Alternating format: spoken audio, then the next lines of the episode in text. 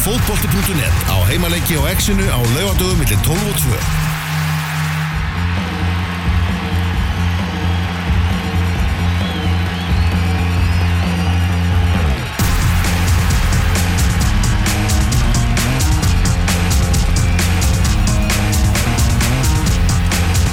Gæstu þáttarins er mættur í hús og það er Arnar Gretarsson. Sætla blöð sæður Arnar. Sæli drengir, Hvernig er þetta dag? Ég er bara helviti fín Já, það er ekkert gólfiður í dag.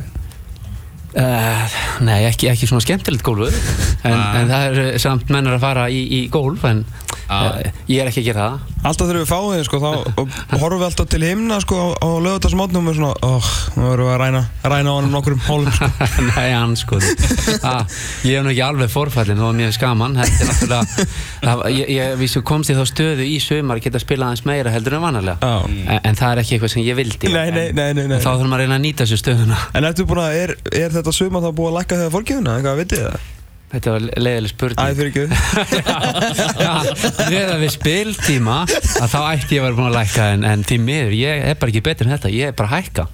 Ha, en, en það er að vísu ágætt að þýlega til að, að við strákunar erum átt í einhverju keppni Mm. og þá er að spila með á forgjöf og, og, og það hefur hendað mér ég ágætlega skilði þig ha, þannig að það stundir gott að vera með á að forgjöf Heru, Hvernig er þetta svona, þú veist, auðvitað leðilt fyrir þau og allt það, hvernig þetta byrja en, en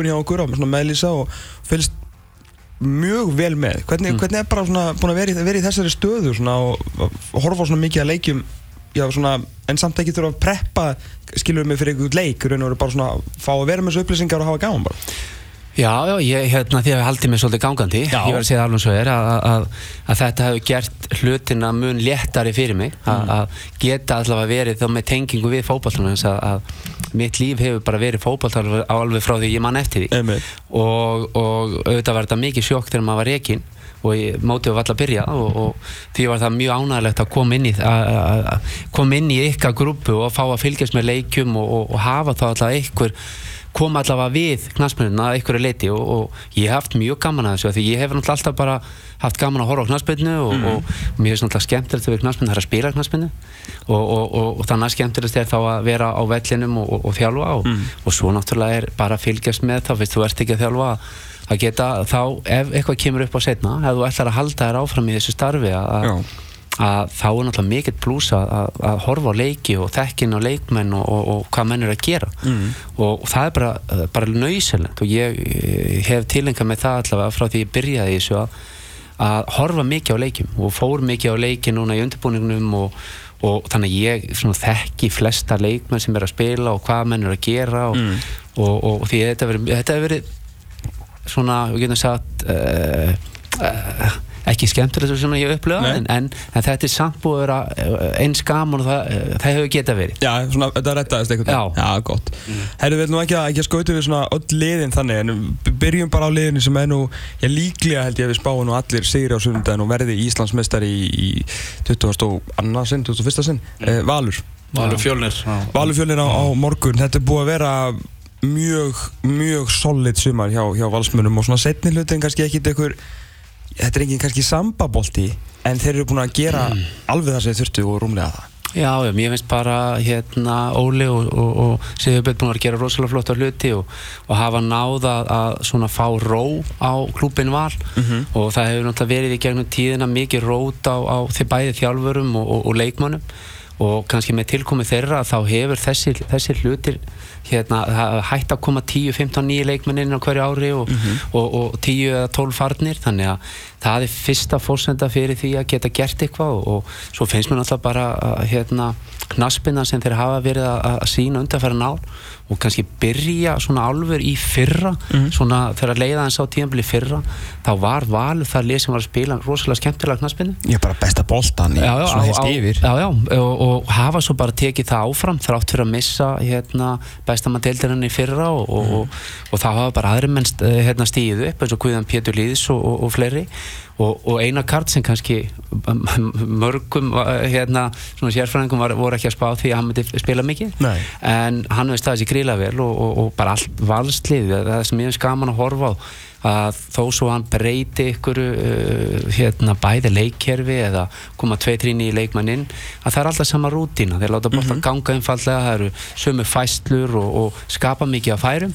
Og, og það er komið svona já, mér finnst svona bara komin Íslandsmeistara bara aður á þetta lið og það er kannski fyrir svolítið tíma síðan.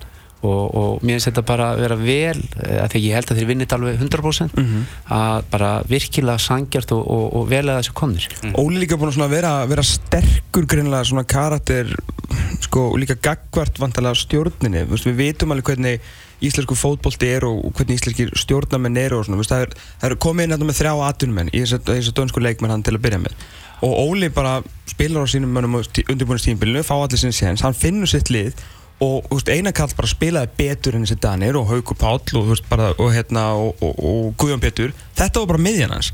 Og hann veist, meina, þú hefur verið í þessu stuðu sjálf eða keftur ykkur leikmaður þá kannski, ég segi ekki ætlast til en það er svona spurt svolítið við erum að setja hérna peninga í, í einhver rándýra leikmenn. En Óli bara hafði það á bekknum svo bara máttu þeir fara því að veist, hann var ekkert að íta þeiminn og veist, Sveit Narón skilur hann bara losaði hann, hann mjög skýr stefna allan tíman einhvern veginn hjá hann Já, já, ég er alveg sammála því og, og, og það er líka eitthvað sem eh, hérna, ef þið skoðið bara svona í kringum ykkur, þau lið sem hafið árangri, að þá er ekki mikið um breytingar og, og, og með leikmenn þjálfar reynir að finna sitt lið og halda sig við það það er svona kjarnina því að, að búa eitthvað til. Þannig að stöðuleiki er, eh, þannig oft, er oft erfitt að finna. Og tala ekki um þegar að byrjar, kannski að gengur ekki nógu vel og þá fara menn að breyta og svo breyta menn meira og breyta meira. En, en Óli hefur og, og, og Sigurbjörn hafa náð því að fá stöðuleikan inn hafa fundið sitt svona sterkasta lið í hérna, bara ef við tökum ekki bara þetta og síðast ári líka, þá spiluðu mikið á sömu, uh, sama mannskapnum. Og getur sett svona hrygnum í liðinu. Svo voru, jú, meðisli, gulspjöld, bönn og eitthvað slíkt, þá komu bara nýja menn inn og þeir, þeir fylgtu það stöður og svo fór hann aftur í sitt sterkasta. Þannig að, þannig að það er svona fórsenda fyrir því og, og auðvitað náttúrulega líka fórsenda fyrir því að ná árangri. Þú þarft að vera með góða stjórn á bakviði og, og, og það er vilt alltaf betra að vera með sömu menn í stjórn í einhver tíma þá fara læra menn á hverju ári sem þú ert búið- ert í stjórninni. Og það er sama með þjálfaratemi því lengur sem þú getur haldið sama þjálfarateminu þá, þá náður betur til leikmann og annað og þá kemur einhvern veginn meiri ró yfir, yfir, yfir klubbin eða félagi sama við tökum bara FH hvað er heimi búin að vera þarna í langan tíma?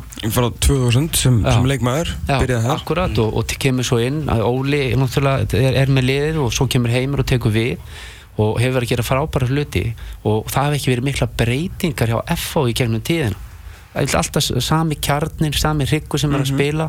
Jú, jú, dettin 2, 3, 9 á hverju ári og það eru eilt góði leikmenn. Og, og, og það er eh, forsenda fyrir, svo náttúrulega má ekki taka af þeim sem hafa verið að vinna bak við FH hérna, eh, þó að Jón Rúnar oft verið gaggrindi fyrir að fara með offósi í því hann vil bara vel fyrir, fél, fyrir félagið og, og, og hann leggur náttúrulega gríðarlega mikið á sig og, og, og til þess að koma félaginu á, á, á þann stað sem það er í dag og, og, og það er vel. Og, og það er náttúrulega það er oft með þá sem ná árangri að þeir fara oft svona á línu, svona á grensi. Og það þurfa mér náttúrulega að dansa á þeirri línu til að, að, að, að fara að brjótast svona úr þessum þægendarama Mér var sagt um daginn að hann var hérna, sendi síðasta post eitthvað svona, þú veist, að málefni félagsins sko á, á valda og einstaklinga sko, sko 0059 og svo fyrsti sko 458 Já, já. og þá voru svona deilur um hvort hann var þá nývagnar eða ekki farin að soða sko. það er bara FH allan dagi sko. Já, meina, en- og þarf að vera með svona menni og að gera það sem FH er að gera og búið að vera að gera ég er sammála því og, og, og er, ekki, ekki börkur hjá Val er hann ekki svolítið uh, svipað Jú, jú, búin að vera lengi í þessu og, og, Með svona smá li- pásu. já, lifið svolítið fyrir eh, félagið auðvitað gera menn einhver mistök á, á, á, á þessum ferli og það er bara eitthvað til menn læra af Já, ég meina, ég var nú inn á, þú veist, svona Þetta er vel til með smal Björn Einarsson sko, þegar hann var að byrja þarna í, í vikinni sko, hann var, var ekkit einróma samþykju um allt sko, en, en þú veist, þá var hann líka bara að læra það, þetta er bara svona gæðir, þú, þetta þarf alltaf að vera svona nettbílaði gæðir sko, skemmtilega bílaðir. Já, já, já, og, og, og svo er náttúrulega líka mikilvægt að, að, að það séu menn í kringu stjórnum sem hafa vita á Algjörlega. það held ég að sé svona eiginlega fórsenda fyrir því að, að annarkvæmst ef þú ert ekki með kannski stjórnarmenn sem að spila á hæðsta level eh, fótbolta að það sé þá allavega sterkur maður í brunni sem getur þá allavega talað hérna, stjórnarna til og, og, og haft áhrif á þeirrar ákvarðanir.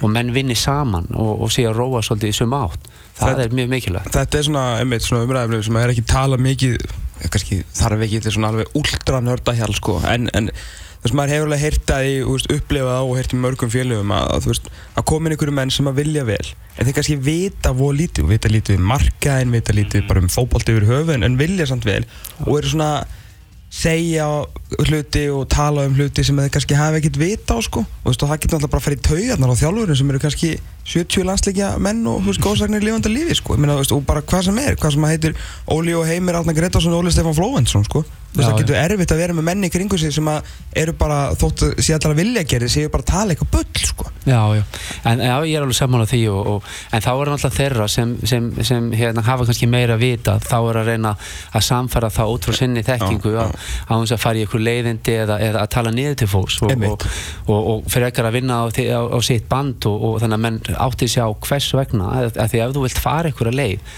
þá verður að hafa rauk fyrir því og geta, geta setta fram. Mm -hmm. veist, akkur viljum við kaupa þennan leikmann staðin fyrir þennan?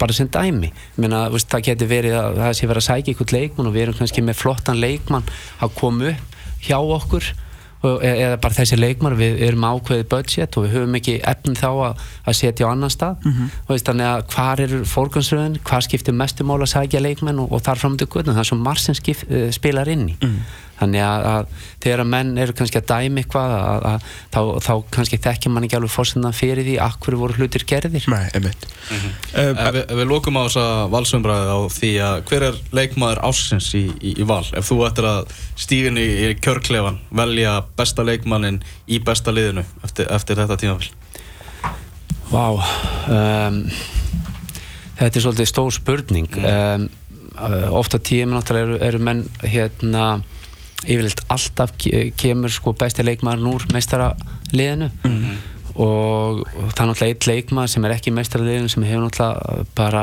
staðið sér frábærlega. Það er Andri, Rú- Andri hérna í, í, í Grindavík. Og gert alveg frábæra hluti og, og, og ekki bara skora mikið af mörgum heldur bara spila við og, og það má ekki taka, og, taka af, af honum það, það, það frábæra suma sem hann hefur gert. En mér finnst svona bara valslið heilt yfir verið að spila alveg gríðarlega vel. Hérna báðir hafsendarnir verið alveg hrikalega flottir. Og svo Haukur Páll, mér finnst hann vera svona mikið kjölfestað í liðinu. Og, og þegar hann spila vel þá yfirleitt spila liðið vel. Já. Og, Það er erfiðast að leysa hann af eða ekki? Jú, jú, orðað, jú, veist ég er sammála það því. er, það er tölfræði sko í, hérna, í bandarískum íþórtu sem heitir hérna, eða, WAR, 2 volt of AR sem er sérst, Wins Above Replacement Já, sem er sérst, mikið notið haflumboltan það er svo margir leikir og það er sérst, skilur því læri sem talan er uh, því verra fyrir þig fattur að, þú veist, þið vinnið x margar leiki þegar ég er inn og sem Já. kemur 11 fyrir mig og ég er mittur og skilur, já, ég, akkurat þannig að þú veist, að að þú getur alltaf komið með Rasmusin fyrir miðverðina sem Já. er búin að standa sig frábærlega. Mér finnst það algjöri kandidatar Já. en svona að því að það alltaf svolítið verið að gera upp allar að gera upp á milli þeirra eða bara taka kaftin sem að er já, erfiðast að leysa af sko já, ég, Pælingar bara? Já, ég er sammála því Við tökum bara hérna, leikinu móti FH Mm. og maður sá alveg að, að, að, að það munar um þegar hann er ekki að spila að, að hann hefur ákveðið vægi bæði fyrstum leikadriðum og svo er hann líka svona það er svona, getur satt element Aron Einar í honum Mhm. hann skamma menn og hann, hann peppa menn áfram og menn er ekki að hlaupa, taka hlaupið sinn og, og, og Leiðtogi bara stórelli. það er bara svoleið Já. og það er svo mikilvægt það er bara sama Davíð Þóri í, í, í FH hann er mikill leiðtói, hefur náttúrulega drifið þetta lið á, áfram Mhm. og átt stóran þátt í, í, í velgengni uh, hérna FH Já. þannig að þetta er bara nöysynlegt að hafa svona leikmenn, þau þurfa ekki alltaf að vera bestir í alls en, en þeir hafa ákveðin svona ákveðin eiginleika sem er bara, skiptir alveg gríðarlega miklu máli er, er ekki fimmanna stjórnlistin, þú veist, þetta er annarkur miðverðana í, í val, Hauku Páll svona þrý sem komandi greina Jú. þar og síðan Andi Rúnar, svona skemmtilegasta sagan og bara spila virkilega vel. Saman að því. Og síðan, já, mín besti fótballtamæðurinn í deildinni, Stephen Lennon sem er líka mann að vera flottur. Já, maður mátti ekki gleyma honum Já. og Kristján Flóki áður en hann fyrir út, hann stóð sér frábælega en alltaf kannski kemur ekki til greina að því að hann fór en, en er þetta ekki svona þeir fimm? Er Ég var til í að henda Bjarni Ólafi í, þetta líka. Veit þú líka? Já, Já. já, alg, algjörlega. Já, ég, ég, ég er alveg samlega, hann náttúrulega hefur náttúrulega gert alveg ótrúlega hluti og stíð upp og maður hefur verið að ofta að lýsa að þegar Bjarni Ólafur tekur ekki mikið þátt í sóknarleik þá yfirleitt gerist minna. Þannig að hann er líka alveg gríðarlega mikilvægur og, og, og, og það verður erfitt skarð að fylla þegar hann ákveður að, setja skóna á hilluna og, og hann er náttúrulega eldast og, og það er eitthvað sem þeir þurfa svona að, að skoða. En frábæk knastmyndum maður og staði alveg gríðarlega vel síðustu ár. Ég ætla bara að vona að þegar strákarnir fá hérna kjörseðilinn í, í hendurnar að þeir uh, svona já, það er náttúrulega alltaf hort eins og ég er búin að vera að benda á í, í, í þættunum í síðan stuttu að það er náttúrulega bara ef það er ekki leikmenn sem er að skora mörg og helst af miðunni þá er það þeir sem er að verja semst, skotin Já, sem já. hafa, hafa verið að taka þetta undanferðin ár það er ekki miðveru verið valinn síðan 2001 Gunni Já, og já. Jónsson annars síðan þá er þetta bara Allan Borgvart og síðasti maður sem var ekki e, þú veist að skora eða svona síðasti maður sem að kannski haug, já, haugupál er svona síðasta haugpálsvalið Já. það er Heimi Guðjónsson 2004 Já, já. Eftir það er þetta bara Viktor Bjarki 2006 til dæmis sem að var náttúrulega bara sóknarfenum Helgi Sig sóknarmæður, Gumi Steinar sóknarmæður Alli Guðnarsson sóknarmæður, Alfred Fimboðsson sóknarmæður Hannes uh, Þór Haldursson markvörður Ingvar Jónsson markvörður, Björn Daniel Emil Pálsson, Kristi Freyr allt miðjumenn eða sóknarmenn sem að skora mörg við sjáum já, að já, já. hvert er hort sko. Já, já, en það er líka, já, já, er alveg, þetta, er, þetta er alveg rétt, en, en menn horfa, svo er finnst mér líka ofta að tímabili eru 22 leikir og svo er rosalega mikið einblitt á síðustu kannski þrjá fjóra, ef ykkur myndi hérna, springa út á síðustu fjóru leikjum að þá er, rosalega mikið einblitt á það, menn gleyma svolítið eitthvað sem á kannski fyrst, fyrrum fyrir alveg glimrandi, Já. svo er aðeins minna í setni en samt nóg. Samt, já, bara, bara flottur. En menn gleyma Þetta er, þetta er eins og í kryddsíldinni þegar maður ásins er valinn þú þarft Já. að gera afreiki helst í november, er oktober, november er þetta, er svoleiðis, þetta er sama þið þekkið það sjálfir Já. að þeir að þeir að vera að því er fara ekkert að bjarga börnum í janúar sko. Nei, nei, ég, það er bara svolítið þannig nema að sé eitthvað exceptional. Svo, svo.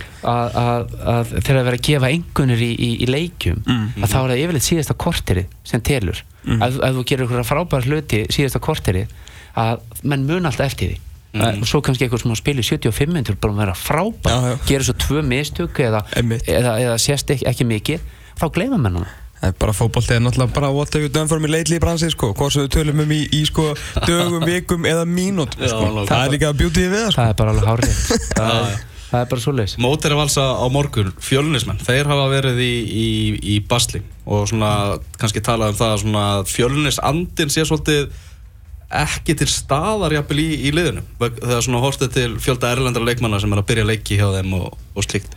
Mér, mér finnst það, ég má bara byrja mér finnst það bara einföldun. Ah. uh, þetta er bara lið sem að hefur komið upp með unga stráka þeir eru svolítið tættir alltaf í sundur því að þeir fara að fengi góða útlendinga sem hafa verið það góður að þeir hafa bara farið annað hvort annað. Einum var náttúrulega sko, Arnar Rændun og einum aðeim sko, því að hann var bara það flottur. Aðri hafa bara fengið sens í, í öðrum deildum. Uh, ungi stráka farið út líka og þetta er bara erfitt bara að trekja þetta ár eftir ár svona, það er svona mín sína á þetta sko. Veist, þetta er bara erfitt fyrir kústa sko. og endanum við hlaut að koma einhverju ég ætla ekki að segja röni en, þessi, en þessi uppsveifla myndi taka smá dífi sko. veistu þetta, ég er bara hjartalega sammálaður mm. líka bara það, eins og við vorum að tala hérna rétt á hann um, um FA og Val að það voru að tala um stöðuleika og þarna náttúrulega hefur verið í gegnum tíðina ég tölu verið að manna breytingar og alltaf nýjir útendík að koma inn og þeir hafa verið alveg rosalega hefni með það, eða gert vel. Gert vel. Já, og, og góð stund að fara nár alltaf náða að púsla saman lið og náð að, að setja inn stemmingu sem er bara erfitt að gera ár eftir ár. Út alltaf að breyta, alltaf kannski nýjir 5-6 leikmenn að starta hjá þér. Og það er bara rosalega erfitt og, og, og svo kannski líka eiga er eh, sitt besta tíðanbíl árið á undan. Svo verða töluvera breytingar á liðinu á, á, fyrir þetta tíðanbíl og, og þeir ætla sér stóra hluti og ætla sér að gera betur sem er náttúrulega bara vel en, en, en, en svo gengur það ekki eftir þannig að þetta er ekkit sjálfgefið. Það er bara, það er bara málið þannig að ég held að sé ekkert eitthvað hrun þarna, en, en það er bara hlutin að hafa ekki gengið eftir, þetta er svolítið stöngin út og þið sáum markið sem þið fengi á sig núna á móti, móti skaganum þetta er svolítið, það hafa komið nokkur svona það sem hlutin hafa bara ekki alveg fallið fyrir þá. Þeir fengi alveg færin til að, klára leikinn. Þeir hafa á, góðum degi getaði strýtt hverjum sem er en, en það hafa bara verið ofáið dagar sem hlutinir hafa verið svona þessi góðu dagar. Þetta er algjör katastrófa ef þetta lið færi niður núna. Það væri bara eitthvað svo... Þú veist, ég veit að lífið og fótbolti er ósangjart, sko, en það væri bara eitthvað svo... Mér, mér finnst það bara ógeðslega ósangjart, sko. Einhvern veginn bara með hvað eru búin að vera á uppseflu sem eru búin að vera og svo bara að því að eitt tímambil klikkaði og þeim verður refsað með falli, sko, það er þið ótrúlega blóðut og erfitt líka bara að rístarta þessu þá held ég, sko. Já, já, það er alveg rétt en, en eins og staðan er núna að, að þá er það er verkefni fyrir höndu fyrir, Já, fyrir þá þvílíkt prógramm, Já, maður. það er ekki, þetta er ekkert sjálfgefi Alls ekki. þannig að þeir þurfa alveg pottjett öruglega seguleik til, a, til að halda sér. Það geti dugað, eitt seguleikur en, en, en maður veit það ekki. Þetta, þetta er mjög spennandi, það er gaman að fylgjast með sko, hérna, síðust umferðunum. Það er náttúrulega fullt af leigubílasögum í, í gangi, bara miklu meira heldur en á, á hefbundu ári. Eina af þeim sögum er að, er að Gústi geti farið á gömlu skrifstofuna þína í, í, í Kópavöginum. Þú nú hert þetta þá? Já, já, bara bæði, bæði sem sagt, þegar þetta komið upp með Arnar í byrjumóts Mm. og, og aftur núna, þeir eru mjög hrifnir á honum og eðlilega, ég meina, hann- þegar var eitthvað, ef, blikar, ef einhvað sem að blika vilja fá í þjálfarnum sínum, þá er það að vinna með ungu leikmennum Já, og, og Gústi hefur sínt það. Já, já, Gústi náttúrulega hefur verið að gera flotta hluti með lið sem er náttúrulega kannski ekki með, með hérna, mikið budget, uh, veist, mikið fjárráð. Og, og þannig að, að hann er kannski ekki fengið að spreita sem er svona, við getum sagt, eða þetta að segja, stærri klúb og ég held að Breiðarblik sé komin á þann stað að ég veit allavega að meina það að það er lið sem á að keppa að ykkur og, og það var gaman að sjá hann fá tækifæri hjá ykkur liði sem, hva, hvernig hann myndi tækla það, því að það er það ætti að vera að ge- gefa mönnum meiri möguleika. En, en á sama tíma þá er náttúrulega að gera meiri, meiri, meiri krafa. Þannig að, þannig að það, það getur verið spennandi. Ef ég væri allavega stjórnamaður, ef að káringar ætla að gera eitthvað breytingu, ég ætla ekki að fara að reka neitt leikma og bara, viljum með bara hérna með einn tableik í setnum fyrir nú getur ennþá náða Európu, en ég, ég held að Ágúst Gilvarsson fyrir mér væri flottur kandidat í, í káir starfi líka, sko. Þessi sigur á Káur í síðust umferð á móti breyðafliki, þetta er svona eitt kannski stærsti sigur en fyrir þjálfara eða á tímabilinu því að neikvað umræða var orðin alveg ansi hávær í kringum Káur eftir þetta tapum móti í bjóða. Ég það því er ekkert að tapa fyrir liðin í 11. að setja 3-0 sem þjálfar í káfaf og leiði ekki sko vonastörðinu að spila, sko, þannig virka bara umræðan, sko, ég er ekkert að segja neitt sér rétt, rétt eða ránt, en þetta er bara svona er að vera þjálfar í káfaf. Já, já, uh, og svo er það náttúrulega þannig að þegar að menn hérna, það er svo auðvelt að gaggrina og, og menn hafi ekki allar uh, standi ekki fram með fyrir því að vera á æfingum á hverju meinast að degi og upplifa allt sem gerist og, og, og menn, ég, ég þekki Willum og það er hrikalega heilstæður og flottur drengur og, og ég held að hann taki sínar ákvarðanar eh, hérna, ekki eitthvað svona skyndi ákvarðanir. Hann, hann vegur og metur og, og, og svo er hann með flotta menn, mann með sér sem er mikla reynsla á knarspinnu þannig að að við erum náttúrulega að tala um hann hérna, Guðmund Andra tryggva jú. og, og, og ég las nú eitthvað staðar að, að hann hafi verið eitthvað meittur fyrir þann leik sko. En síðan var hann ekki meðdur í næsta leik, sko. já, já, en, eins og ég segi svo getur vel verið að ég, ég þekki ekki og ætla ekki að fara að reyna að setja með eitthvað inn í það en, það er bara alltaf þannig að, að ef þú ert að, að þjálfa hjá þessum, við getum sagt að K.R. sé svona staðisti klúburinn á Íslandi uh, hefur verið það í gegnum tíðina og F.A. þó að þessi kannski konir svona síðust ár fram úr K.R.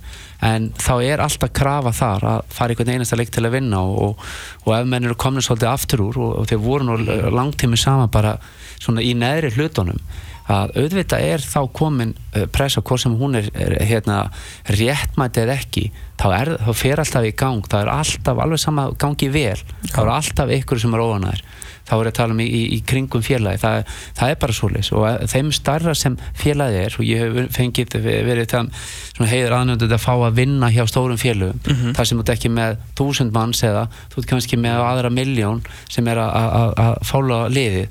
Og alveg sama hvað þú gerir það er alltaf einhverjir alveg sama hvað þú gerir vel það er alltaf einhverjir sem hafa hérna segja þetta sé ránt og, og, og þess vegna segi ég sem þjálfari, eh, yfirmaður íþróttamála eða hvað sem þú ert að gera stjórnamaður, menn þurfa alltaf að fara eftir sinni samfæringu á hverjum einum tíma og taka þá þeir ákvarðan be- eh, svona á grundvelli hérna, það sem þeir hafa þeir eru að metta stöðuna.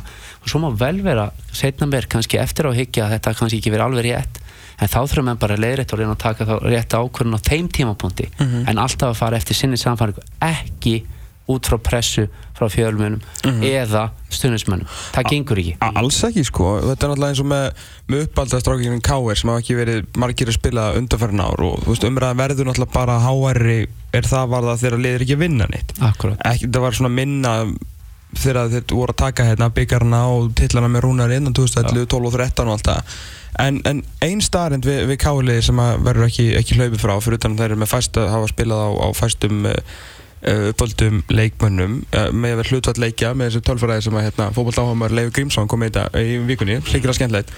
En þeir eru með elsta lið Já. þeir eru með 29,1 ára meðalaldri á, á liði sem er tölvert meiraldur en Káa sem er semst á FDM með 27,6 Ég veit að þetta, þetta er mikill munur þegar maður tala um meðaldur á Já, já, ég er saman á því. Um, eldri leikmenn sem eru svona kannski á einhverju fyrir utan kannski Óskar Örn eða eitthvað á svona smá, ég er ekkert að segja þeir séu fannir að fram að einhverjum kletti, alls ekki. En 29 ár svolítið mikið í fótbolta með 5 danskar leikmenn veist, er þarf Káar að fara að taka það svolítið til eða? Veist, er, er, við talum ekki með hvað er ekki Európu segjum, ef við gefum okkur það, við tökum bara umræðan út frá því að missa Európu, þess að FA náttúrulega á leikti góð og allt það. Það, það getur verið mjög áhugaverð vetur og kannski einhver, einhver stefnu breyting sem káa til að taka. Ég veit, ég veit nú ekki með það en, en, en ég held allavega svona eftir kannski tímabili að, að, að þetta er lið sem vill keppa og ekki, ekki vera kannski bara í Evrópukefni, þeir vilja vinna titla. Að sjálfsögðu, þetta er og, já, og, og, Ekki fram. Nei, að, já, já, fulli vinningur í fram. En, en allavega eins, eins, eins og Káur er að þá vilja það bara vera í toppnum og, og þá er það að geta virkilega það er ekkert að kalla það að er vera eitthvað að keppa í, í, í ár. Og, og síðustu ár hafa verið svolítið ströggl. Og, og þá þurfa menn kannski líka bara að skoða leikmannahópin, út frá þessum það sem þú ert búin að tala um. Veist, aldrei leikmanna, fyrir mér aldur skiptir ekki öllu máli. Uh, það er frekar það að- að- að að getur maður hann eitthvað? Hvort sem hann er 35 ára, 6 ára eða, eða, eða, eða 18 ára? Já, það er sem ég myndi náttúrulega svona aldurinn til framtíðar sko. Já, en þá kemur á öðrum punkti því að þú ert að tala um það náttúrulega þetta með ungu leikmannina að flestir klúpar á Íslandi, við tökum bara eh, minn klúb breyðablík, að þá hefur það kannski verið stefna að vera með unga og efnilega stráka líka til að fjármagna reksturinn á deildinni. Einmitt. Ég held að það hef ekkit endilega verið inn, inn í plani hjá Káur að þeir þurfa að selja ykkur að leikmenn. Ég, ég hef allavega ekki tekið eftir að þeir hafi verið að selja leikmenn í marga í eknum árind. Eflust ykkur að en, en þeir hafa verið bara það fjárháslega sterkir hafa kannski ekki þurft þess það skiptir líka máli Byrju, það getur vel að það séu breyttar áherslur og, og, og, og þar þurfum við kannski að fara að, að þá leið og, og, og, og það- því að K er nafnið mjög aðlagandi náttúrulega fyrir unga efnilega það er að segja ef þið fara þá leið en þá þarf að vera tekingasöku stefnið í en ef það þarf kannski ekki að auðvitað er alltaf plús að geta verið með ungan og efnilegan og ef hann er betur heldur en gamli þá hefur alltaf opsjónið að geta þá fengið pening fyrir hann. En, en, en eins og ég segi, ég nú þekki ekki stöðuna og veit ekki hvernig en mér finnst kannski aðalega bara uh, það sem þarf að vera í gangi að hérna, erum við með nógu gott lið samanborið bestur liðan á Íslandi Valur, FH, þessi lið stjarnan, þessi, þessi þrjú og svo náttúrulega blikarnir, blikarnir er með mjög flott lið þrátt fyrir það að þeir eru þessu stöðu sem þeir eru. Og svo eru fleiri lið sem hafa verið að narta þarna í. Að, bara hvar stöndu við? Hvað þurfum við að gera, erum við með góða leikmenn? Erum við með góðan hóp, þurfum við að breyta? Og, og svona mín fyrsta, ég held að Káur þurfa að gera einhverja breytingar, ég held að þurfi að, að taka inn einhverja leikmenn og, og, og, og fara aðeins að stokka upp í hlutunum. Ég held það. En, en ég er náttúrulega ekki, ekki hérna, með þeim á hverjum degi á æfingum. Ég sé bara hlutinu, sé leiki og annað en, en, en það er svona mín svona sín á, á, á, á, á það. Þú verður að gera eitthvað svona smá breytingar í, í haust sko. Það verður bara áhuga, mjög áhuga Við verðum veitur framöndandi í HKV sko. Mhm. Hefur verið Arnar að að fylgjast með þínum gömlu lærisveinum í, í breyðabliki í, í sumar að vera, vera í stúkunni og vera að horfa á þetta í sumarpinu og svona. Ég ætla ekki að ljúga því, það auðvitað er það erfitt, það er náttúrulega erfitt bara fyrir bara það tilfinningar að- hafa farið svona út eins og ég fór út og, og þá er þetta erfitt, það er bara þannig en, en hérna, ég er ekkert með líka tilfinningar til stjórnamanna, það er bara að vera alveg heiðalögur, það er bara þannig en, en, en ég er með mikla tilfinningar til að þetta voru svona bara eins og strákunum mínu að, að, og það, því er það mjög leiðilegt að horfa upp á það að sjá strákuna verið í þessari stöða því að vitandi bara hver gæðin er í liðinu. Og, og að því að meina við getum bara tekið stöðu fyrir stöðu og að, að, að þeir geta kæft í hvaðli sem er. Og það er mikill fótboll en þeir hafa oft sínda bara komið kaplar þar sem að spila alveg glimrandi fótbolta, haldi bolta, skapa færi en ekki kannski nýtt. En það er kannski munur uh, núna og kannski undarfærin ára þeir eru búin að fá svo mikið af mörgum á sig. Að, að ef ég tek bara síðustu tvö tíðanbil það sem ég var að þá held ég að við hefum verið með 33 mörg á okkur í, í, í, á tveimur árum. Og, þeir eru í 29 núna sko. Já, og það eru þrý leikir eftir. Já. og, og, og fórsendan, maður er alltaf sagt að ef þú ætlar að vinna eitthvað fórsendan er góðu varnarleikur og fá lítið af mörgum á sig. Og, og, og tökum bara val hvar eru þeir? Eru ekki með 17 mörg á sig eða 14, eða 15, 15 já. Það er akkurat málið og, og, og það, fórsendan byrjar þar. Og, og, og ef þú ert að hleypa mikið af mörgum á þig og að, að það er næstu eitthvað sem tvölið sko eru stjarnan 21 og FH 20 akkurat. FH var enda með þessum í fyrra. Það var eitthvað æfintilið 14 eða 15 eða eitthvað sko. Já, þeir voru aðeins fyrir ofan uh, hérna, uh, með árið 13 mörkin. Já, já, já. Já, en þeir voru í ykkur Já, 18 kannski. Já, 17, 17, 18, já, mjög lítið. En það er yfirleitt alltaf sama sem merkja á. Og þá getur bara tekið það, það er eitthvað það sem blíkana þurfa að vinna í. En flottu mannsko, mjög gaman að fylgjast líka með með hérna uh, Gísla, hvað hann hefur verið að- springa út.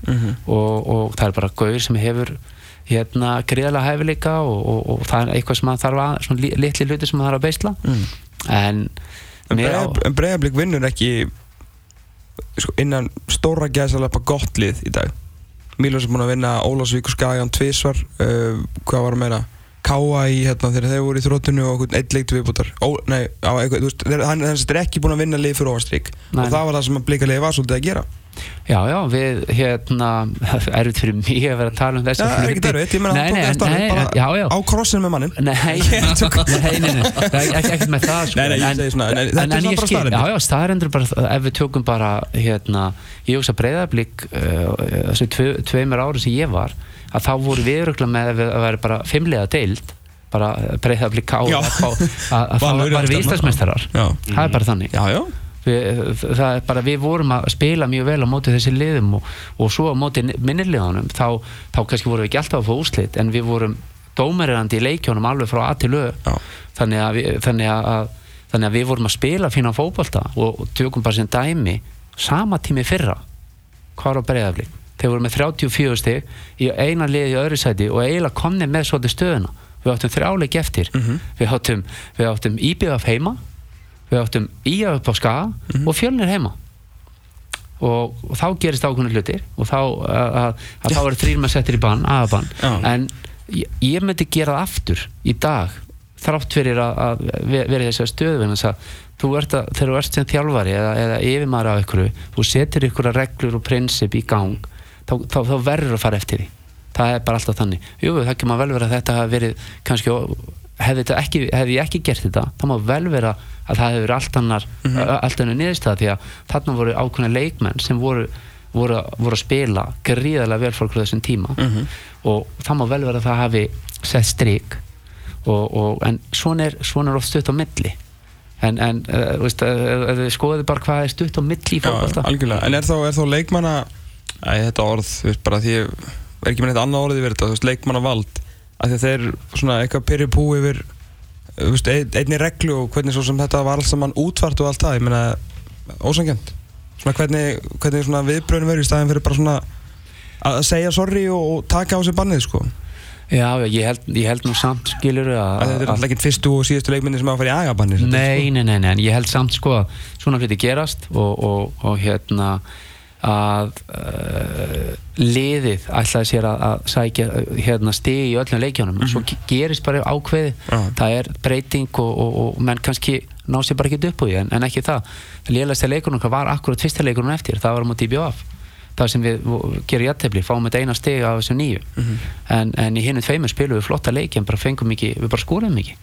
Og það er það sem skilur á milli. Við vorum að spila flotta, flotta knaspennu yfir, mikla yfirburði en, en fengum hellinga færum að þú nýtið ekki.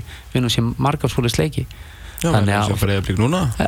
Eibjöða fúti og já, já, ég, Svo línunni og svona Já, ég er veist, þannig að Þannig þetta skiptir svo miklu máli í fótbolta. Og, og, og þá kemur kannski öðru í, í, í öllu þessu og ég er ekki að tala um bara þetta ferðlíka hvort mér en bara svona heilt yfir þegar að vera að taka ákvarðanir með, með að reka hérna, fólk þá þurfa menn að ígrunda svolítið hvað menn eru að gera. Ekki bara horfa á úslitin heldur bara frammeðstöðuna hvernig hafa menn verið að gera, hvernig verið að vinna? Hvað er verið að gera og, og ég tel það sé rosalóft ábætavant hjá, hjá, hjá mörgum fjölum, ekkert bara hér heima bara almennt séð. Mhm. að, að menn horfa rosalega blákalt bara á hvað hva, hva úsleitt menn er að sækja. Og ef úsleitin er ekki, mér er ekkert að horfa á það ef lið er að spila greiðarlega vel og, og, og hlutin er ekki alveg að detta það hafa kannski verið að æfa mjög vel og gera mjög flottar hluti og, og, og búa til leikmenn og sé- gera, gera allt eftir því sem menn vilja.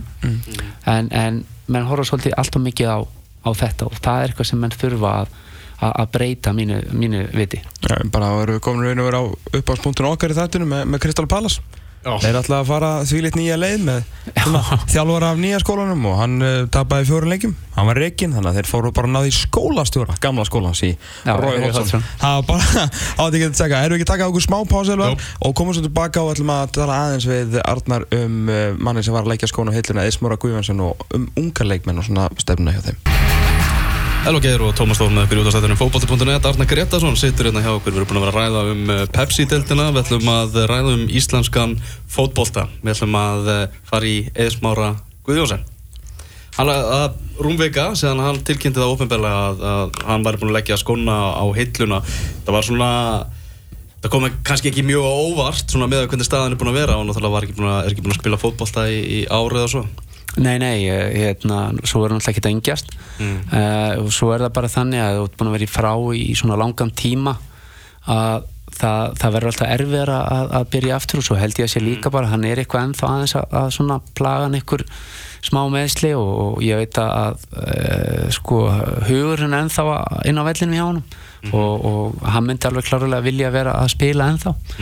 En, en svo alltaf á einhverjum tímapunkti þá held ég að menn vilji kannski hætta kannski áður en að, að þeir geta vallar heift sig og, og, og svo leysa því að hans legacy sem hann er búin að skilja ef, eftir sig að, að, að, að það verður mjög erfitt að, að, að nálgast það. Það verður bara að segja stálum sér að hafa spilað með Chelsea og orðið meistari þar og farið svo til að mínu viti besta knaspunni félags uh, bara í heiminum ásand Real Madrid að, að að fara þanga þegar þeir voru með alla þessar stjörnur og, og ná að verða spánameistari og, meist, og Evrópumestari að það eru bara svona eitthvað sem ég held að fólk átti sig ekki alveg á hvað hva þetta er erfitt að því að knaspirna er, er vinsalasta íþróttargrunni í heiminum að ég held og komast í svona topp elituna að það er með ólíkindum og, og, og jú, auðvitað höfum við átt marga frábæra knasmiðin, Áskei Sigurvins og, og pappans og fleiri, marga góða Albert Guðmunds og fleiri en, en uh, þetta afreg er alveg svakalegt og ég held að það er ekkert margi sem átt að segja á því að, Ah. þe- þe- þetta að fara frá Chelsea yfir í Barcelona að það er rosalegt afreg og það verður það er erfitt að toppa það. Nú erum við með frábæran knasmyndumann í Gilva Sigurssoni og, og nú er hann komin í, í, í betra lið heldur en það sem hann var svona starri klúb en það er ég, og mér, ég er rosalega hrifin að Gilva mér finnst það bara frábær knasmyndumann og bara innanvalla sem utan. En, en ef við töl, tölum bara um knaspinnulega hvað, hvað, hvað þessi tveir hafa að þá náttúrulega hefur eðismári þá er ég að tala um í félagsliði að mm að þá er töluveri munur þar á. Að, að, að spila annarkvæmt með Tottenham eða, eða þó að Tottenham sé frábært lið og Æður spila líka með tóttunum já, að, þá er bara munur að, að, að spila í toppliði eins og Chelsea eða, og vera bestur þar og, eða bara spila og fá einhverja leiki, það er stór munur. Sko, Eiður Smári er með, með 186 leiki í deildinu, 54 mörg fyrir Chelsea 72 leiki og 10 mörg fyrir eh, Barcelona hann er hollensku byggamestari, hollensku mestari hann er tv- tvöfaldur englandsmestari hann er deildamestari deilda byggamestari á Englandi, spánarmestari sp- spanskur byggamestari Supercopa tvisasunum uh, Champions League, þannig að hann ekki spila mikið það tímbil og UEFA Supercup þarna 2009 Þetta er bara veist þetta hljómar eins og sífi hjá bara einhverjum, einhverjum brassa sko, eins og við varum bara skilu, að horfa, horfa tilbaka til þú veist á ferilin hjá Marcelo eða eitthvað skilu hvað er að fara. Þetta er bara, við myndum aldrei haldið þetta að vera íslenskur ferill. Nei, ég, ég veist, það er það sem ég er að segja. Ég held að fólk átti sig ekki alveg á því hvað hann hefur gert. Nei. og, og eigður hann alltaf líka við svona, hann er, eh, hann er ekkit alltaf að óta sínum tóta og hann er frekar svona rólegur og að, að eh, hefur yfirlt bara látið verkinn tala á, á knarspunnivellinum og Mm. svo kannski svona eh, síðust ára hefur verið töluvert flakk á honum og, og verið óuppinnaðis með meðslu og annað en, en alltaf hefur hann verið í, í trenin á vellinum og í kringum æfingar og annað því ég þekki það bara frá fyrstu hendi í Gríklandi þar sem hann var í AEK og, og meiðist þar illa. Og þeir sem unnu með hann þar að, að þeir sögðu að, að, að þeir hafa ekki oft upplifað svona, svona mikið fagmann í þegar hann var meittur hann var að koma tilbaka, koma dölur og laði mikið á sig.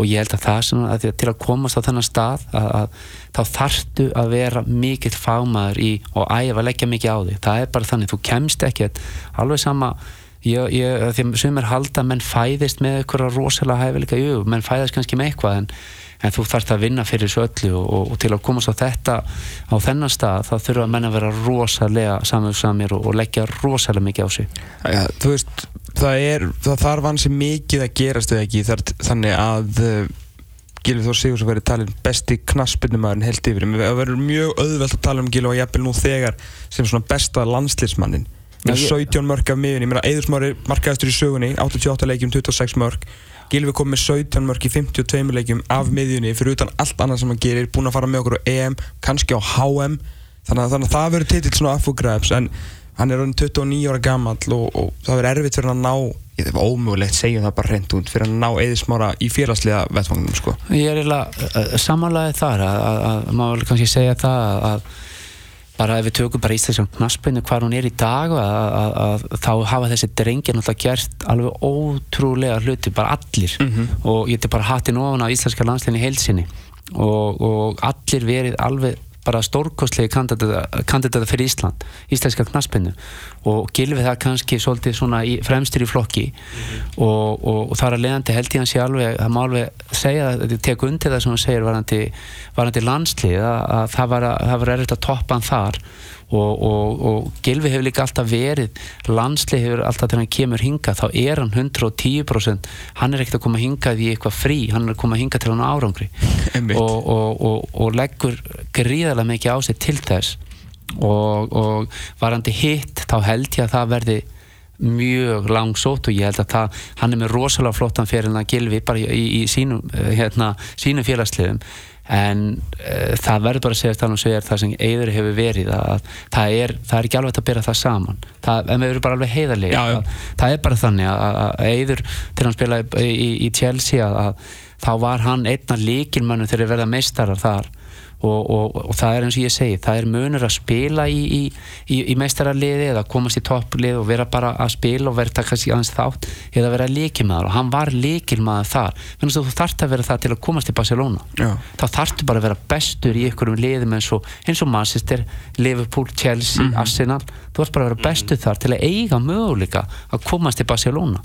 Og, og allir leikmenn sem fara þangað það er bara framúskærandi leikmenn bara, svona, það er bara rjómin Barcelona, Real Madrid bara, þeir taka bara allra bestu knassmennum hennar og, og með fullir virðingu fyrir Gilva því að vanlega, veist, við elskum hann sko en núna átti hann tvö sturluð ár fyrir Swansea og, og, stærsta svona mómentið hans og það er ekkert að því sko. Þetta er mér skeggja hans komi, komin í og 45 Já, já, minnum miklu dýrri heldur en Gil, heldur en Eiður sko ef við höldum ákveðum einhverju sambyrðu og við erum ekki að óta þessum tveimur stjórnum okkar gegn hver annari en, en svona það var ekki, ekki beint verið að ræða um Barcelona og Real Madrid eða Manchester United eða Chelsea eða eitthvað þannig sko þetta var svona þakkið hans skilfa sko. Vonandi kennst hann ennþá lengra og það er ekki, hann er það flottu gæði að það getur alveg gerst. Alveg sammála því að því hann það nú, var nú talað um þegar Brenda Rodgers var í hjá Liverpool að, að, að, og Liverpool fyrir mér, ég er náttúrulega að, að það er náttúrulega mjög flottur klubur og, og, og stór klubur ef hann hefði verið þar og gert vel þá er stittra þá er emitt upp sko. mm skilji. Þannig að, hann hafði möguleika á okkur tíma, tímapunkt að komast að, og svo er hann alltaf sínt okkur það eh, leik eftir leik með íslenska landslinu og í, í sínu félagsliði fyrra að hann er heimsklassa leikmaður en hann ekki, hann er ekki alveg saman stað og, og eður smári í, í, í, á, á, á þeim uh, buksunum og ég er mikill gilvamaður Já, það er bara þannig ég, allir, sko. ég, það er bara svoleiðis að þessi drengur er alveg uh, hrikalega flottur flottur á alla stæði og viltu, viltu skemmtilega Guðjón sem staðarendi það? Já. maður tengist þér. Þetta tengist pappan sko. Já, þegar þú fyrir eftir frumröðina í landsleginu já, uh, 17. júli 1991 í 5-1 sigri á mútið Tyrklandi. Það er nú þetta fínasta, fínasta fyrsti leikur sko. Já, já, þá skoraði Arnó Guðjónsson fjögur mörg já, ég man vel eftir þeim Já, leik ég skal tróða því. Já, spilaði með bróðinu mér sem já, og, við skora e, e, Fyrsta markið? Já, fyrsta marki eftir tvær myndur Já, svo kom Svo, svo kom bara það gamli Arnó maðurinn. Guðjónsson sjó. Já, já, hann var líka veist, uh, ótrúlegu leikmaður. Ég, hérna, ég veit ekki hvort að þið munið vel eftir honum en, en hann var líka heimsklassa leikmaður og, og krafturinn í þeim manni var, var með ólíkindum. Hann var eins og hann væri með eitthvað turbogí sem hann gatt en, en það var líka frábagnarsmyndum maður og, og, og gaman að hafa spila, spila með honum og, það er kannski svona uh, að því að maður var mjög nálagt í að, að, ná að spila mikið áskeri sigurinn sem maður náði því aldrei en, en það held ég hafi líka verið algjörsnillingur á, á, á, á sínu tíma. Þú þurfti að fæðast aðeins fyrir til að ná þeim öllum. Já, þetta, en, en enga síður maður svona, maður, ég, maður fekk maður uppliði áskir. Maður var, þegar maður var að- auðvitað. sá, sá hversla snillingur hann var. Og, og það er líka leikmann sem hefur gert ótrúlega hluti sko. Það eru síðasta málið sem okkur ranga að ræða við því að svona ungi leikmenn hafa verið svolítið og þeirra málefni verið svolítið í deglinu og ég tók að saman hún í vikunni að, að það eru svona 20 strákar sem er að spila voru búin að spila helmingin á mótinu að kom að þessari sérst 19. fyrir það við talum nýju leiki. Já. uh, sérst uh, að að einhverju viti og 12 í deildiris nánast skilur einn á hvert lið en samt eru sögum sem eru ekki nota neina. Já. uh, sem að spila, já, ein, bara svona leikilrullu skulum við kalla það. Ekki nema 12 strákar. Þetta er, þetta er ég meina ég, ég veit ekki, þú veist bara er, er, þetta, er þetta sjokkirandi, er þetta skiljanlegt er þetta vond, er þetta slæmt? Ég meina við sáum náttúrulega út eins og slið sko haugfullt af atvinnumönnum. Þannig að það er fullt af strákum sem bara eru auglustlega hérna á landinu til að spila sko Nei, nei, uh, auðvitað væri náttúrulega betra að það væri fleiri íslenski knafsöndum ungir. Það gefur bara auðvitað leið að þú ert í bestu deildinni að, spila ungur, þá tekur þú mestu framfyrum og íslenska deildin er alveg orðin, hún er alveg orðin erfið. Þetta er ekki eitthvað létt deild að koma inn í og, og uh, auðvitað er það miður að, að, að það sé að koma mikið kannski að miðlungs útlætingum en, en uh, ma maður skilur þið pressuna að vera í efstu deild og, og, og, og þá fara menn oft og reyna að fara í eitthvað sem á að vera eitthvað öryggi og fara í eitthvað, eitthvað útlendingar sem hefa reyn, reynslu og, og, og það er leiðandi fá ungu strákarnir muni minni séns. Og, þetta er bara alþekkt, ekkert bara hér þetta Nei, er út um allt. Ég sá að mitt núna bara um daginn hérna, í Belgíu og þínum hérna, gamla heimavelli að, að það var blaðamaður þar, John Chapman sem var að hérna, það, það er mikið vesend þar með unga belga. Að þeir eru í miklu, miklu undanhaldi þannig að þetta er ekki bara hér. Nei, nei, nei, ég, en, en bara fyrst þú veist að nefna hérna Belgíu og, Mm. og þegar ég kem til, til klubb að, að, að, að þá hafið bara ekki ungur leikmaður spila uh, hérna síðustu ég held bara tíu ár, það var eitthvað Birgir Martens þegar ég var að spila þarna, þá kom hann upp í liðinu 19 og 20 Já. og það var bara enginn sem hafði spilað ungur með klubbruggu en, en svo síðustu ár, ef við myndum fara og skoða Mm.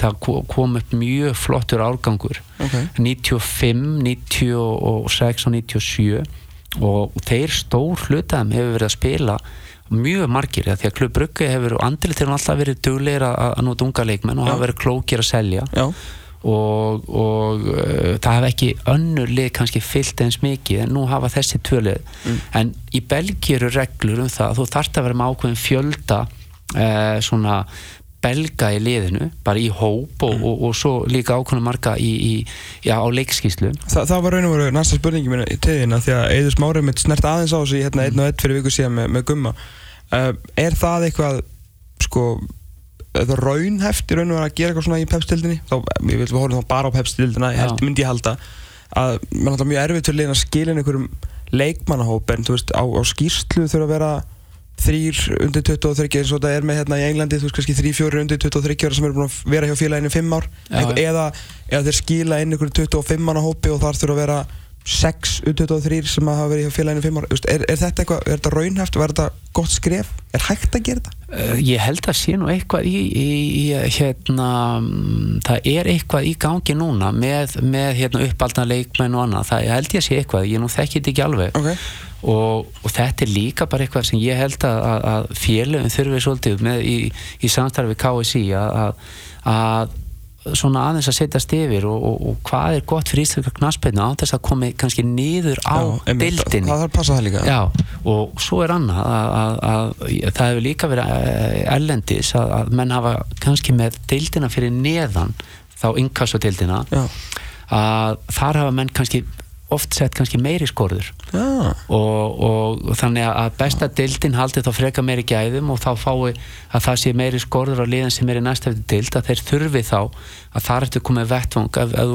ef, ef það er ungir og efnilegir strákar sem spila í inkasso inkassodildin er fínasta dild fín. Að, að þá er komið vettvangu þar eða verið að setja á liðin sem eru þar ykkurar, ykkurar hérna, hömlur og þú verður að hafa eitthvað þurfa ykkurir tveir bara sem dæmi nú, nú er ég bara já.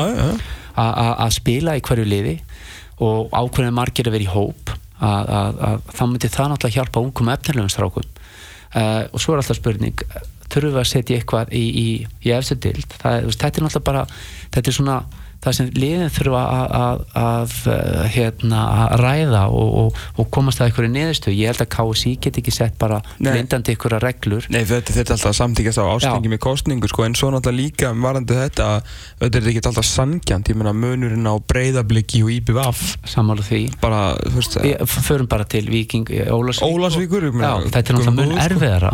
Og, og, og svo er það líka þannig að það hefur verið hingað til þess að maður hefur heyrt að það er erfiðara að fá íslettinga, þeir kosta meira og, og þar fram til göttunum og, og leið og það kannski setta svona svona einhverjar hömlur, þú verður að vera með einhverja unga leikmenn að þá hugsaði nú að stóru liðin að, að þá er ég að tala um svona st- stærri klúbana að þeir munu taka allra bestu leikmennina þá fara menn bara að sækja hann þrif þú veist, Já, það er svo ég er- verið að gera núna en það verður bara gert í enn meira mæli Já, já, og, og, og, og, og hérna þá munur kannski svo kallari aðeins lakari leikmenn uh, verða eftir fyrir, fyrir minniliðin en, en þetta, er, þetta er eins og ég segi þetta hefur verið rætt áður og menn hafa, ég veist, þetta er ekki, þetta er ekki til fyrsta skipt sem þessi umræða kemur upp. Nei, nei. og, og svo er annað að ég er sammála að því að, að það er oft með þessar stráka sem er á annarflokksaldri og, og, og eru svona að komast upp í meistraflokkin að það er smá gap eða svona bil að þeir detta stundum svolítið út og, og það var á einu tíma þá var svona 23 ára keppni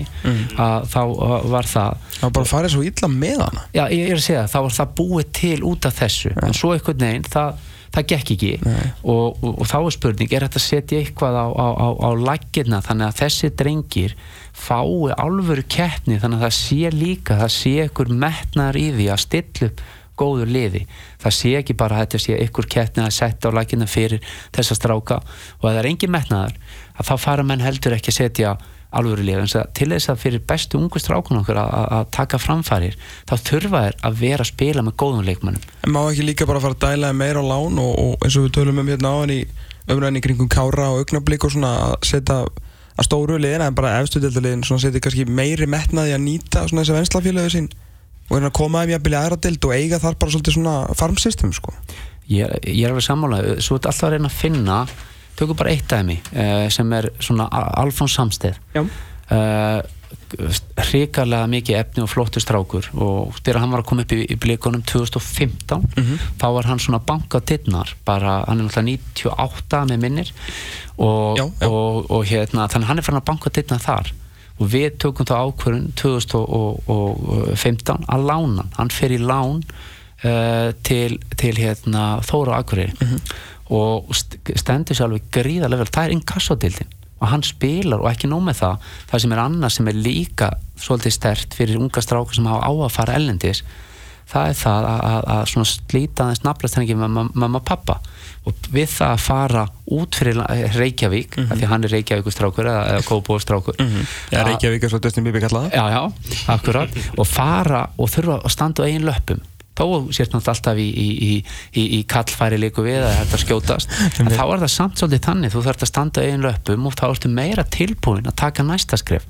Þegar að kalli uh, kom hann fer til uh, Þór og spilar það var gríðarlegu munur að sjá strákin þegar hann kom svo aft til okkar undirbúinstömmuli og á endunum var það þannig að hann ítir Arnóri Sveini út Mhm. fyrir bara því hann stóð sér frábælega vel. Og Arnór Svein er nú toppleikmaður. Og hvað gerir svo í framhaldi? Sala peningar. Já, til að halda áfram rúlinu sko. akkurat og svo er hann bara að þessi strákar og öruglega eftir að, að við möttum að heyra hans nafn og oftar talað um hann. Byrjunleins með í 21 Já, já, og hann á eftir að taka mikið þegar þetta er bara svo flott eintak að- að að þó hann sé ekki búin að vinna sér inn í, í, í byrjunarliði þar, ég held að sé ungur eh, topp eh, hérna, landstæðismæður að spila í hans stöðu sem eh, Nordsjö ætlaði að selja að mér skildið, ég er hann ekki ennþá að spila. Og, og þannig að hann verður bara að býða rólur eftir sínum tækifæri það hann og Viðar eru lögur sömu pælingum sko. Þeir Já. sem er að býða eftir að Eftir þessi að fá. dröldi sér burt sko. Akkurat, þannig að stundum þurfa menn, þessir ungu strákur sem er ekki alvarni nógu góðu kannski fyrir pepsendaliðin að fá tækifæri. En þá þurfum þetta líka lið eins og í einn kassu að, að það er ofta ekki létt að finna þau. Nei. að taka uh, leikmannar láni frá pepsendaliði að þeir eru, já ok, hann kemur í lán hingað og svo að næsta ára er hann farin þá er við ekkert að byggja upp. Þannig að það er ofta ekkert létt að finna þetta. Þannig að þú þarfst að finna þá þarf hann alltaf líka að vera það góður að meðan geta bara réttlætt að hann er að hjálpa okkur og þá getum við nota hann og þá, þá skilum maður þá hugsun. En þetta er oft erfitt. Það er, svo koma, sem kemur konfliktir sem þjálfarinn í hennu liðinu þarf að berjast við með hérna, stjórnina sína. Akkur notar ekki okkar, unga mann? Mhm. hann er ekkit mikið lagari Nei.